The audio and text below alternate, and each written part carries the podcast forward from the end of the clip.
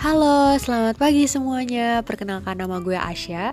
Kita akan seneng bareng-bareng hari ini karena gue akan sharing mengenai produktivitas gue selama gue stay at home di situasi COVID-19. Jadi kalau dari gue, gue itu um, suka banget bersosialisasi. Cuma karena COVID-19 ini ya gue jadinya di rumah deh. Di rumah bukan berarti ngapa-ngapain. Uh, gue minggu UTS, jadi gue harus belajar selain belajar juga gue harus kerjain tugas nyicil lah apalah tapi ya jangan lupa buat have fun dengan cara kita olahraga, makan makanan yang kita suka, bisa call dan video call sama teman-teman kita. Kalau kalian gimana?